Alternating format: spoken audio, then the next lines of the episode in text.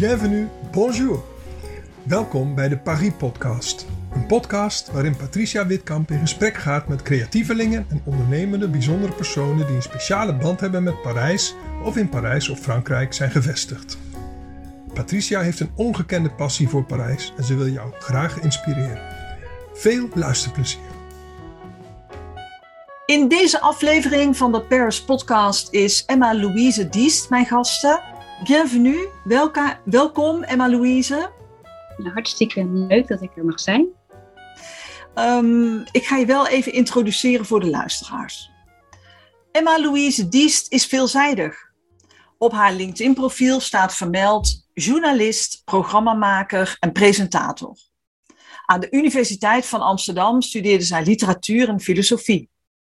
Ook heeft Emma Louise voor het Parool een podcast opgenomen met als titel Lees die krant. En voor de Afro-Tros is ze boekenredacteur en presentator bij Umberto, waarbij non-fictieboeken en kunst en cultuur centraal staan. Haar eigen podcast Atelier Amsterdam is zeer de moeite van het luisteren waard. Deze podcast staat geheel in het teken van vakmanschap en ambacht. Zo gaat Emma Louise in gesprek met acteurs, regisseurs, schrijvers, dansers en schilders. En je luistert naar de verhalen en ook de achtergrondinformatie over kunst, theater, mode en filosofie achter elk bijzonder project. In haar podcast hoor je waar de kunstenaars van onze hoofdstad Amsterdam met veel toewijding aan werken. Ook presenteert ze de VN-podcast voor de Verenigde Naties. Zelf echter is Emma Louise ook een kunstenares. Haar werken zijn tentoongesteld tijdens de Paris Fashion Week in 2020, tijdens de modeshow van haar goede vriendin Xuan. En onlangs was er een expositie in Parijs van recente werken in het Atelier Nederlandais. Een hele mond vol Emma Louise Diest. Een mooi verhaal. Dankjewel. Ja, en ik wil je dan ook graag goed introduceren. Dus ik heb het ook even wat uitgebreider uh, uitgewerkt. Um, Emma Louise, wij uh, ontmoeten elkaar tijdens de modeshow van Xuan. Jij zat recht tegenover me. En uh, ik dacht dat je uit New York kwam of uit Londen. Uh, ik sprak je aan in het Engels en volgens mij kwamen we er echt pas na een kwartier of zo achter ja, dat we allebei gewoon Nederlandstalig zijn. Dus dat was een hele grappige ontmoeting. Sindsdien volgen wij elkaar. Ja. Um, mijn eerste vraag aan jou is ook: kun je iets vertellen over de samenwerking met Suwan? En, ja, en dan eigenlijk ook heel specifiek over hoe jouw werk daar kwam. Ja, ik ben, um, ik heb sowieso voel me heel erg verbonden met Parijs. Dat is een beetje al gegroeid omdat ik toen ik klein was en daar voor het eerst kwam met mijn ouders. Dat ik een beetje mijn hart verloor aan die stad. En dat kan zomaar gebeuren. En bij mij was dat Parijs. En uh, ik ben in al die jaren heel veel terug geweest. En ja, daar kon ik gewoon altijd weer op nieuwe ideeën komen. En ik heb een, een serie gemaakt voor mijn uh, radioprogramma en, en, podcast Atelier Amsterdam. Waarbij ik um, kunstenaars interviewde die naar Parijs zijn gegaan en daar een uh, nieuw leven hebben opgebouwd. En ik wilde graag weten wat die, ja, die spanning tussen die twee landen, of die nog aanwezig was. En daar was ik heel erg naar geïnteresseerd. En toen ben ik dus um, via Atelier Nederlandais in contact gekomen met een aantal kunstenaars. Waaronder de Sto, of ja, Swan, dat is haar merk ook. Um, en ik heb met haar een podcast opgenomen en een radioprogramma over haar werk. En ja, we hebben eigenlijk contact gehouden. En um, ja, het leuke is, zij wist dat ik ook schilderde. Dat doe ik al mijn hele leven. Um, en ze, ja, ze vond haar werk ineens heel geschikt voor haar modeshow. De haute couture show in, uh, in Parijs. En toen had ze me gebeld van, zou je het leuk vinden om een werk te maken? nou, daar hoefde ik natuurlijk niet heel erg lang over na te denken. De tijd was wel, er was, er was niet zoveel tijd, dat moet ik er wel bij zeggen.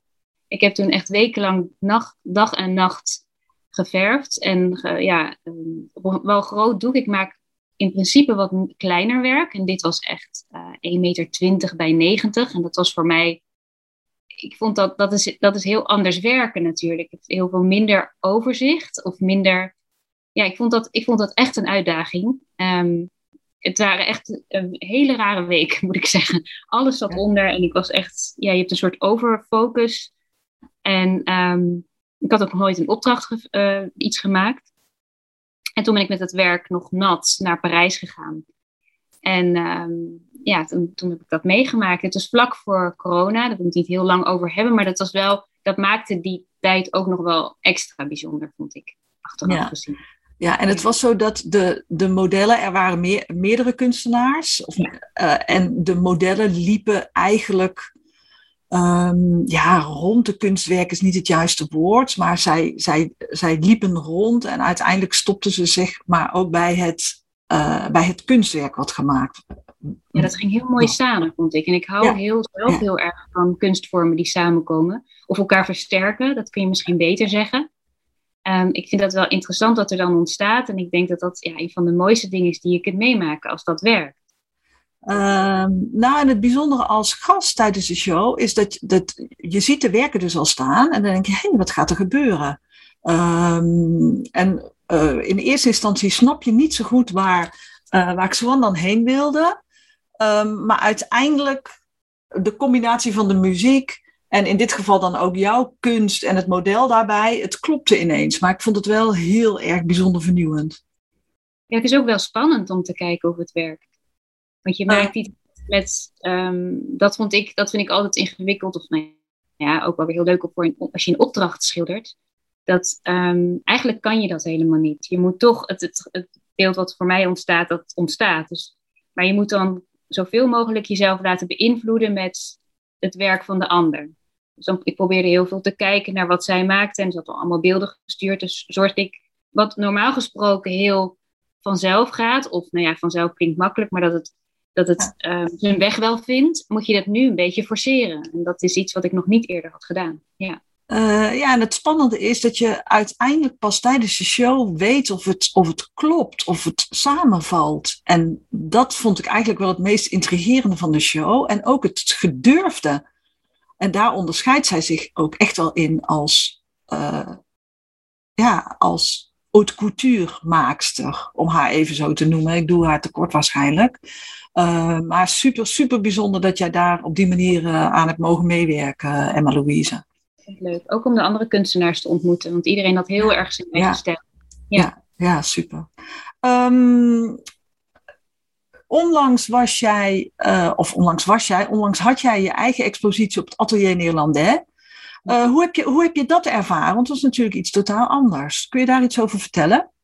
Ehm, het, ja, het, het vreemde was dat, dat ik, als je in een beetje een soort van rollercoaster gaat, een soort trein, als je dat, gaat, als je dat mag gaan doen, dan heb je niet echt in, door wat je aan het, aan het neerzetten bent. En ik moet zeggen dat toen het eenmaal zover was en ik daar stond en alles hing, ehm, echt, het is een prachtige locatie, moet ik even zeggen, als in Nederlandais, dat is echt heel erg mooi. Het licht is echt heel, heel bijzonder. En het is midden in Parijs, dus je ziet ook echt, je, wordt er wat, je, je werk wordt echt een beetje gedragen door de stad.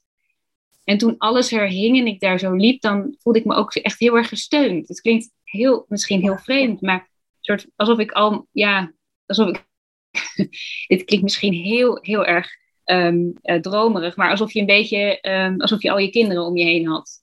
Ja, maar ik, ik ken het gebouw en ik ken vooral ook het gevoel en de sfeer van het gebouw. Ja, Dus ik begrijp ook echt waarom. ehm, eh, ik, ik, ik begrijp hoe je je voelt. Je kijkt het raam uit, je zit, je zit midden in Parijs in de sfeer. Het licht klopt, eh, zelfs het geluid van de krakende vloer klopt. Ja. ja. En het is een heel mooi oud gebouw. En ja, er zit heel veel geschiedenis in. Ehm, het leuke ook wel is, is dat mijn moeder daar vroeger ook is geweest. Mijn moeder is klassiek zangeres. En zij heeft daar ook nog herinneringen. En die, ik was me daar helemaal niet zo van bewust. Maar dat, dat neem je dan toch een beetje mee. En dat vond ik zelf. Oh, daar heb je dan. Ja. Ja, dat vond ik. ehm, dat, dat realiseer je pas als je daar staat, dacht ik ja. En zo hebben heel veel mensen daar ook herinneringen aan. Het heeft heel erg met kunst te maken. En maar het is ook heel spannend natuurlijk als je werk daar hangt. En kijken of, of dat ook een nieuw verhaal oplevert. En ik had het idee dat het heel erg paste daar. Dat vond ik ook wel heel erg leuk om te merken. Dat, Ja. dat je denkt, ja, dit, dit komt echt tot zijn recht. Op een, op een hele andere manier. En natuurlijk, elke keer gaat het een gesprek aan met de omgeving. En je hoopt dat dat gesprek een beetje uit de verf komt.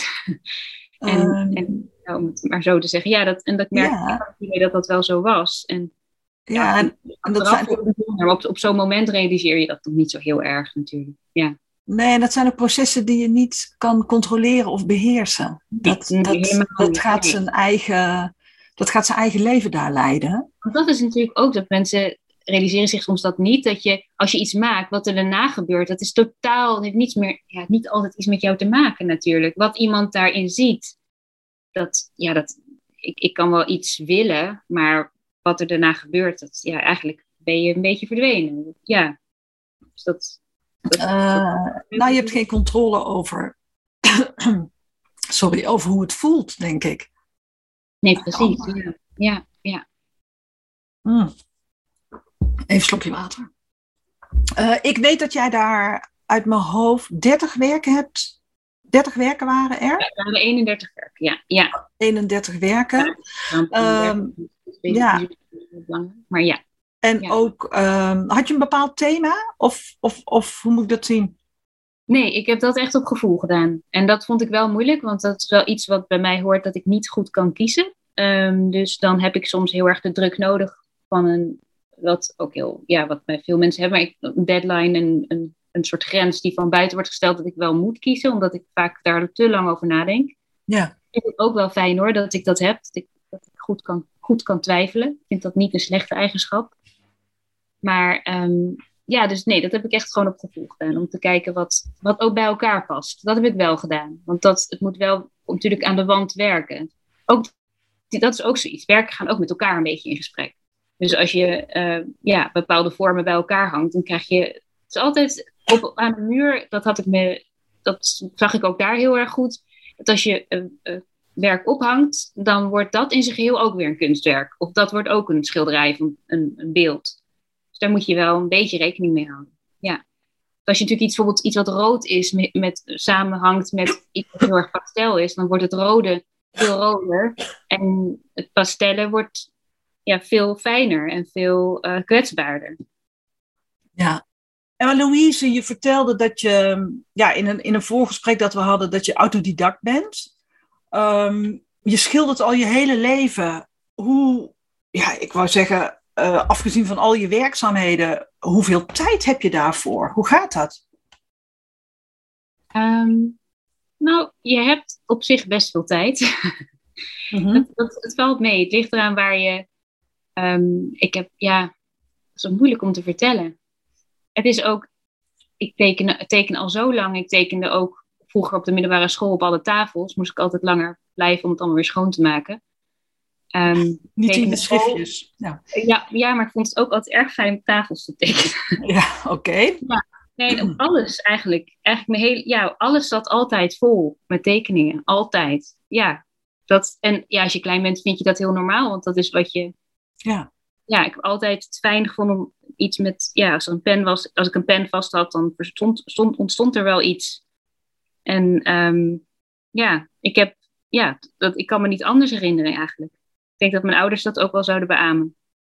En, um, ben je dan een beelddenker? Want dat hoor je wel vaak, hè? Dat als je, als je dus ergens mee bezig bent en in je on, onbewuste teken je van alles, dan. Of, ja, of is dat niet zo bij je? Nee, dat klopt. Ik denk in beelden. Ja. Ik, ik weet niet of andere mensen dat anders doen, maar ik, ik zie alles altijd in beeld. Ook dingen die niet in beeld hebben. Ik zie de week ook in, in, beeld, in dagen in beelden. Ja. Ja. ja. Dat doe ik altijd. Ja. Dus ik, ik, weet niet of andere mensen dat anders hebben, want je gaat er altijd van uit dat wat ik heb, dat hebben andere mensen ook. En dan langzamerhand in je leven kom je erachter dat dat niet altijd het geval is. Maar um, ja, en, uh, nee, ik heb, en ik heb het altijd fijn gevonden met allerlei materiaal te werken. Ik heb wel ooit een keertje uh, een cursus willen doen en dat was van drie dagen. En daar was een uh, DRS van het Rietveld. En die Um, die heeft me gezegd dat ik echt alles moest loslaten en gewoon vooral heel veel moest maken. Die zei, je moet niet ergens, je hebt je stijl wel, je hebt, je hebt je stijl, zei ze of zoiets. In, ergens iets in die richting. Een beetje romantisch vond ik het wel allemaal toen de tijd, maar zij heeft me echt uitgedaagd om helemaal mijn eigen weg te gaan en voornamelijk heel veel te experimenteren. Ja, het gewoon te doen. Ja, het gewoon te doen. En, en, en vooral ook niet lang na te denken. Althans, dat deed ik toen veel te veel. En toen een gegeven moment mocht ik van haar echt niet langer dan een halve minuut aan een tekening. En ik moest echt door en door en door. En op een gegeven moment zei ze, ja, je palet is veel interessanter. Die kleuren waar je nu mengt, ga daar maar op verder. En ja, het is natuurlijk wel een beetje een romantisch beeld, maar het werkte toen de tijd heel erg. En ik ben haar, ja, ik ben haar heel dankbaar voor dat moment. Ik bedoel, het was maar een dag, denk ik, maar het, het heeft me echt heel erg veranderd. Dat is heel lang geleden, moet ik wel zeggen. Maar ik heb verder dus ja, altijd doorgewerkt. En je, je ziet wel, ehm, je ziet, ja, mijn werk is wel echt een heel duidelijk, ik vind het wel echt duidelijk herkennen.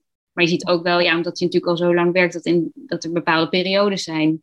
Dat je, ander, ja, dat je andere invloeden hebt en dat het er anders uitziet. Maar ja, nou, ik heb je werk gezien. Hè. Ik volg je, ik heb je werk gezien. Ik vind wel dat je een hele duidelijke signatuur hebt. Ik vind het heel fijntjes. Ik weet niet of dat het juiste woord is. Uh, en het doet mij heel erg denken aan Japans.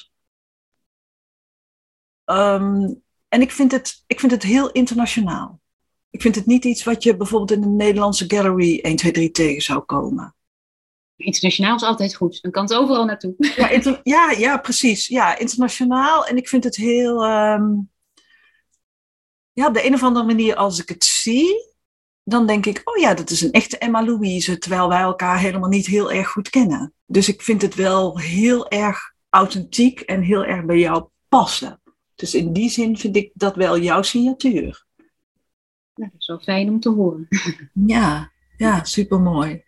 Uh, en doe je dat nog steeds? Laat je het nog steeds helemaal los? Uh, of, um, nou, dat, dat, dat is wat mensen ook altijd zeggen, oh lekker schilderen. Dat zou ik nooit zo kunnen zeggen, want het voelt niet als lekker. Ik heb altijd um, ja, dat klinkt heel dramatisch, maar je zit altijd met de angst dat, het, dat je het niet meer kan. Dat heb ik altijd mhm. met eigenlijk heel veel wat ik doe.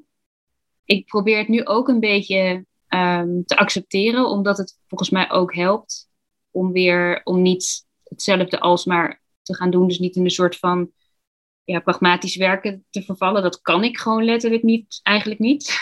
Mhm. Ja. Daar ben ik niet goed in ook. Ik weet dat ik dat niet zo goed kan, maar um, ja, ik, het, is, ja, het is altijd een kleine worsteling. Ja.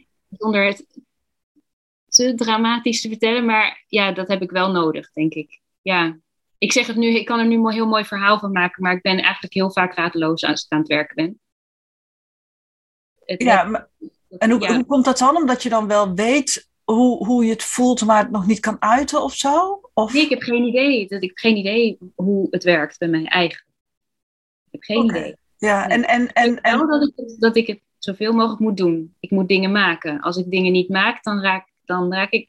Dan, uh, dan gaat er iets in mijn systeem niet goed. En dan weet ik dat ik ook vast kom te lopen in andere dingen. Dus ik moet. Het is een manier van mij om mezelf te uiten. En dat is heel belangrijk. Als ik dat niet doe, dan, dan, ja, dan kan ik heel somber worden. Of uh, dan ja. kunnen dingen niet ja, minder makkelijk gaan in mijn leven. Ja. Nou ja, dat geldt denk ik voor alle kunstvormen, toch? Dat, dat, het, dat het je uit, uitingsvorm is en dat er, dat, dat erbij hoort. Hoe het precies um, gaat, dat, dat weet ik niet zo goed. Het, het ontstaat letterlijk. En dan hoop ik gewoon dat het, er weer iets nieuws komt. En soms gaat er heel, gaat heel lang niet en dan leg ik het weg en dan, ja. dan denk ik, ja, dit wordt gewoon helemaal niks. En dan ineens wordt het wel wat. Ja, en, en, ja, en, en hoe, hoe hoe inspireer je jezelf dan? Stel dat je zo'n zo'n zo'n bui hebt of zo'n periode hebt, denk je dan van oké, dan ga ik toch in de trein naar Parijs of ik ga naar buiten? Of, of hoe, hoe haal je dan zeg maar gewoon de benodigde inspiratie naar binnen? er moet, er, nou, er moet ehm, eh, beweging zijn. Laatst vroeg Umberto mij dat ook, van wat, wat is dan belangrijk daarbij? En dit, voor mij is het heel belangrijk dat er beweging is. En die beweging moet ik ons opzoeken. Want ik vond het bijvoorbeeld in coronatijd heel erg ingewikkeld dat alles zo stil kwam te staan. En ik vind het soms in Nederland ook wel moeilijk hoor, om die beweging te vinden, omdat kunst bij ons niet zo'n grote plek inneemt in het mhm. gewone leven. Ik zeg het vooral in het gewone leven, want de kunst is er echt wel. Alleen in het gewone leven, we vinden het vooral iets wat we op zondagmiddag doen. Ja. En um, niet op maandagavond of zo. En dat, de, de of, of, naast je werk. Ik ben nu aan het werken. naast is er ruimte voor even kunst. Ja, of, of, wellicht tegelijk. Ik bedoel, de manier van denken die bij kunst hoort, kan je ook helpen in een veel ja, zeker. Um, organisatorische setting of een praktische setting. Juist het of helpen of een onderdeel daarvan zijn. En in Parijs, in Frankrijk, is kunst gewoon heel erg belangrijk. Dat is een van, eigenlijk een van, staat bovenaan. En ik merkte dat al met mijn studie, dat alles wat ik las hier, dan moest ik echt flink zoeken om dat, om dat te vinden. En in Parijs kun je gewoon bij de boekhandel in het station kun je het vinden. Kijk, Nederland heeft ook echt mooie dingen hoor. Ik ga niet alleen maar zeggen, jongens, in Parijs is alles beter. Dat is absoluut niet waar. Maar qua kunst is het al wel snel buiten de landsgrenzen iets, iets rijker. Laat ik het zo zeggen. En, nou, het is echt een wezenlijk verschil. Ik ben het helemaal met je eens. Het is echt een wezenlijk verschil. En de, ehm, de variatie is ook belangrijk. Het is belangrijk dat je niet alleen door één kunstvorm wordt, uh, wordt beïnvloed, maar dat je meerdere stemmen hoort, dat je meerdere kleuren ziet. Ehm, het is belangrijk omdat dan, dat je dan dus nieuwe dingen kunt maken. Als je nieuwe dingen maakt, heb je ook chaos nodig. En die chaos moet ik soms opzoeken. Ja. Zeg, het is chaos niet in de zin van een rommelige kamer, want daar ben ik echt top in. Maar het gaat erom dat je een soort van. Ehm, ja, het is natuurlijk een plek wat je zelf maakt. En voor mij was Parijs echt een, de, uit, um, de, de, aangewezen plek om zoiets te laten ontstaan. En zo kan iedereen zo'n plek in zo'n omgeving maken. Maar als alles in je omgeving wordt, um, ja, tot stilstand komt, is dat gewoon wat ingewikkelder. En toen merkte ik ineens hoe, hoe belangrijk Frankrijk en Parijs was voor mij. En sowieso de beweging die daarbij hoort. Toen, toen pas ben ik echt dat gaan zien uh, hoe, ik, hoe erg ik dat nodig had. Ja, en is beweging voor jou dan ook altijd vooruitgang? Nee, zeker niet. Nee. Nee, ja, nee. ik ben sowieso niet. Ja, misschien dat klinkt ook weer heel negatief, maar ik ben zelf niet, niet zo'n enorme geloof in vooruitgang. ik denk altijd dat, um, dat je, ja, je hebt, je hebt in principe gewoon alleen dat ene moment natuurlijk. Je kunt niet zoveel met de toekomst, je kunt ook niet zoveel met wat net is geweest. Dat is heel, ja, je, kunt het, je, je neemt het mee en dat is soms heel vervelend, en enorm zwaar. Um, je kunt een gedachte hebben over de toekomst, maar dat kan zich ook helemaal tegenspreken, dus dat weet je niet op dat moment. Um, ja, daar spreekt de filosoof nu, hè? Daar spreekt de filosoof Emma Louise nu. Oh, nou, dat weet ik. Ja, nou goed, ja, dat, oh, zo werkt het wel een beetje. Ik, ik, ik, geloof niet in vooruitgang. Nee, nee, ik geloof, nee, dat, dat, Ja, het is ook heel abstract natuurlijk. Wat, wat is vooruitgang? Wat is vooruitgang, ja, precies. Ja, dat weet ik niet. Um, nou ja, beweging en vooruitgang. Vooruitgang klinkt dan alsof het beter moet of zo, terwijl dat niet per se hoeft te zijn. Maar voor, ja, je weet, Natuurlijk is het ook heel menselijk om dingen beter te willen. Het is ook menselijk om na te denken in vooruitgang. Want je hebt oorzaak en gevolg en daar moet je het mee doen. Ja. Maar um, wat het. Ja. Um, je kunt er niet op vertrouwen. Je kunt niet, als je kunst maakt of iets nieuws wil maken, kun je niet vertrouwen op als ik er dit in doe, wordt het dat. Dat kan, dat kan niet. Je kunt, nee, dat kan niet. nee. Je, kunt wel, je moet er wel wat in doen. Dat is wel zo. Het is niet zo, dat is wat mensen ook vaak denken, dat als je als kunstenaar, dat, sowieso dat woord is natuurlijk vrij beladen, maar um, als je iets maakt, dat je dan um, uh, ja, s'nachts wakker wordt en dan heb je een idee en dan maak je het en zo werkt het. Nou, het is, het is niet helemaal onwaar, want op hele, on, ja, op hele onverwachte momenten kan je ineens een idee hebben en dat kan je ineens gebruiken. Dat is ook wel zo, maar je moet het wel, je moet het wel vastpakken. En ik merkte wel dat ik van allerlei dingen omheen nodig heb om ook die daadkracht vast te houden. Dat vermogen om dingen te maken. Als, je, als ik dat allemaal niet heb, word ik te passief. Ja, oké. Sommige mensen kunnen heel erg goed in die passiviteit gewoon doorgaan met hun leven. Omdat ze daar gewoon goed in zijn. Maar ik merk dus eigenlijk dat het niet zo specifiek bij mij zit. Maar dat dat eigenlijk bij iedereen wel het geval is, volgens mij. Ja. Ja. Ja, nou ja, ik, ik kan daar uren over praten met je. Um, dat gaan wij ook een keertje doen. Hè. Wij gaan elkaar uh, wederom weer een keer zien. Ik hoop in Parijs en anders uh, oh, uh, ergens in Amsterdam. Ja. ja, we stappen gewoon in de trein, Emma Louise. Um, ik wens jou alle goeds toe en heel veel internationale exposities. Klinkt als een droom. Okay. en dan reis ik lekker met je mee. Ik kom je bezoeken. En um, ja, ik wil je hartelijk danken voor dit gesprek. Merci, Emma Louise. Dankjewel. Heel mooi. Dankjewel. Dankjewel voor het luisteren naar deze Paris-podcast. A bientôt!